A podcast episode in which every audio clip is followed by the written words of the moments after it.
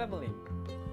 Nah, ini hari kedua saya uh, explore Kuala Lumpur. Nah, hari ini saya akan menceritakan tentang pengalaman saya untuk mengunjungi Batu Caves dan Genting Highlands. Nah, uh, ini adalah kali pertama saya ke Batu Caves dan Genting Highlands dan ini saya berpergian hanya sendirian. Pagi-pagi sekali saya bangun dan bersiap-siap untuk segera berangkat. Nah, dari hotel, saya berjalan kaki menuju stasiun Imbi, menaiki monorail menuju KL Sentral. Nah, dan dari KL Sentral itulah perjalanan saya dimulai. Nah, seperti di episode sebelumnya yang sudah saya informasikan, untuk anda yang baru pertama kali ke KL, alangkah lebih baiknya Anda memilih penginapan yang tidak jauh dari uh, stasiun. Nah, itu sangat memudahkan sekali. Nah, kebetulan saya uh, menginap gak jauh dari Imbi Station. Pertama, saya mengunjungi Batu Caves. Nah, setelah tiba di KL Sentral dari stasiun Imbi, perjalanan ke Batu Caves saya lanjutkan dengan menaiki KTM komuter dengan biaya uh, ringgit Malaysia 2,6 ringgit di tahun 2019 ya. Nah, uh, perjalanan ke sana nggak nyampe 15 menit seingat saya ya. Nah, patung Dewa Murugan atau ikon batu caps itu sudah mulai kelihatan tandanya tak lama lagi uh, kita akan segera sampai. Benar saja, tak lama setelahnya saya sampai di stasiun Batu Caps. Lokasi yang saya tuju tidak jauh dari stasiun, bisa ditempuh dengan berjalan kaki saja. Arah menuju ke Batu Caps tinggal belok ke kanan dari arah luar stasiun, lalu turun ke bawah. Setelah itu, Anda tinggal mengikuti uh, petunjuk arahnya. Di sepanjang jalan menuju ke lokasi utama, banyak pedagang India yang menjual makanan hingga souvenir. Dan sepertinya sebuah pedagang adalah orang India, karena saya tidak menemui pedagang lain selain orang India. Mereka juga menjual makanan burung karena di sana banyak burung merpati yang bisa menjadi salah satu spot foto menarik. Nah, kalau Anda uh, googling Batu Caves, akan kelihatan burung orang-orang berfoto di uh, hamparan burung merpati. Itu sangat banyak sekali di sana. Oke, begitu tiba di lokasi utama, patung Dewa Murugan terlihat dengan kokoh dan besar, tinggi menjulang. Nah, di sini eh, di sisi kirinya terdapat tangga warna-warni yang menghubungkan ke gua atas. Tentu saja, saya tak sabar ingin segera naik ke atas. Terlihat orang-orang India yang naik turun dengan dengan berpakaian khas India dan membawa peralatan ibadah sepertinya mereka uh, sering beribadah ke sana karena memang itu adalah tempat ibadah. Di atas terdapat beberapa kuil dan orang-orang sedang beribadah di kuil tersebut. Hati-hati bagi Anda yang membawa barang dan makanan karena terdapat banyak sekali kera yang sangat aktif mendekati kita. Terlihat beberapa kera berusaha mengambil makanan dari para pengunjung.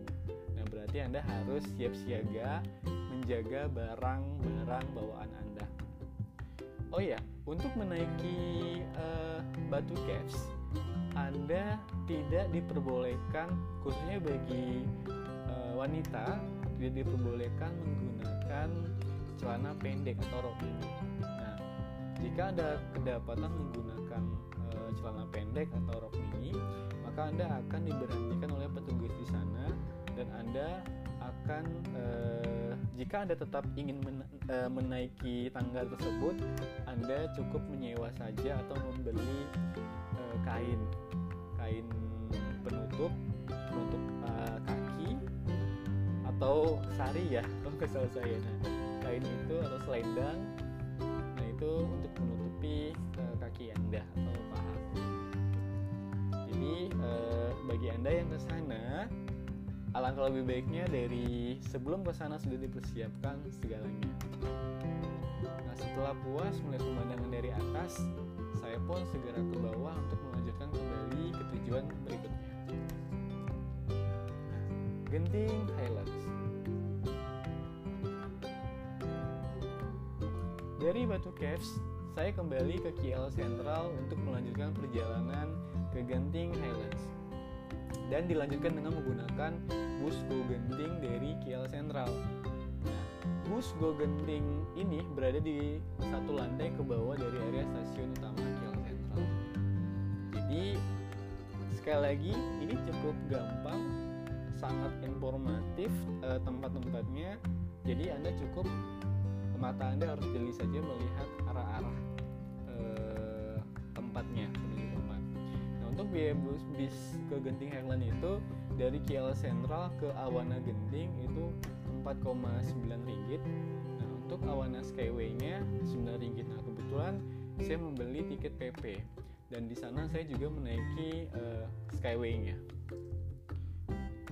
Nah, tips dari saya sebisa mungkin Anda membeli tiket bus dan Skyway uh, untuk pulang dan pergi agar Anda tidak perlu antri lagi untuk pembelian tiket pulangnya. Karena bisa saja tiketnya habis terutama saat eksisten. Jadi kan bisa gawat ya, Anda Anda nggak bisa pulang ke tempat Anda menginap. Oke, okay, next.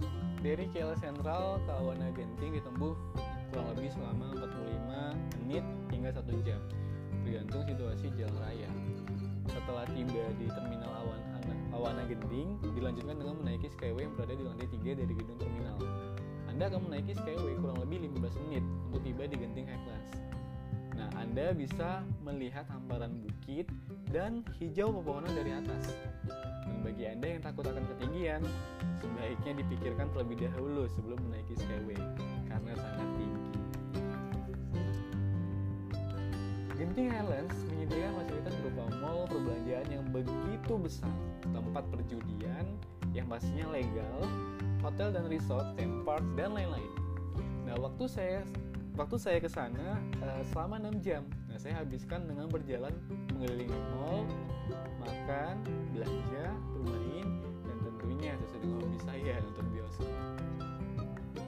Untuk Anda yang ke sini bersama keluarga, tentunya tempat ini di Genting Highlands bisa menjadi surga bagi anak-anak karena tersedia banyak macam permainan indoor. Waktu waktu itu sudah menunjukkan pukul 7.30. Saya pun harus segera kembali menuju ke terminal Awana untuk kembali ke hotel. Nah, bus yang saya tumpangi akan berangkat, akan berangkat pukul 20.30. Kalau nggak salah saya itu adalah uh, bus terakhir dari Genting menuju ke KL Central. Nah, sekali lagi perhatikan jadwal keberangkatan bus. Sebisa mungkin kasih jeda satu jam dari Genting Highlands, maksudnya dari mall, mall atau tempat anda bermain menuju ke terminal karena tentunya anda harus memperhatikan waktu perjalanan dari posisi anda ke Skyway, kemudian diteruskan dari Skyway ke, menuju ke terminal, belum lagi ditambah antrian Skyway. Nah antrian itu sangat panjang apalagi saat musim liburan. Nah jadi itu cerita hari kedua saya dalam ekspor Malaysia. Semoga bisa bermanfaat dan menjadi referensi bagi teman-teman. Nah, dua tempat tadi adalah dua tempat yang sangat saya rekomendasikan untuk Anda kunjungi saat Anda pergi ke Kuala Lumpur.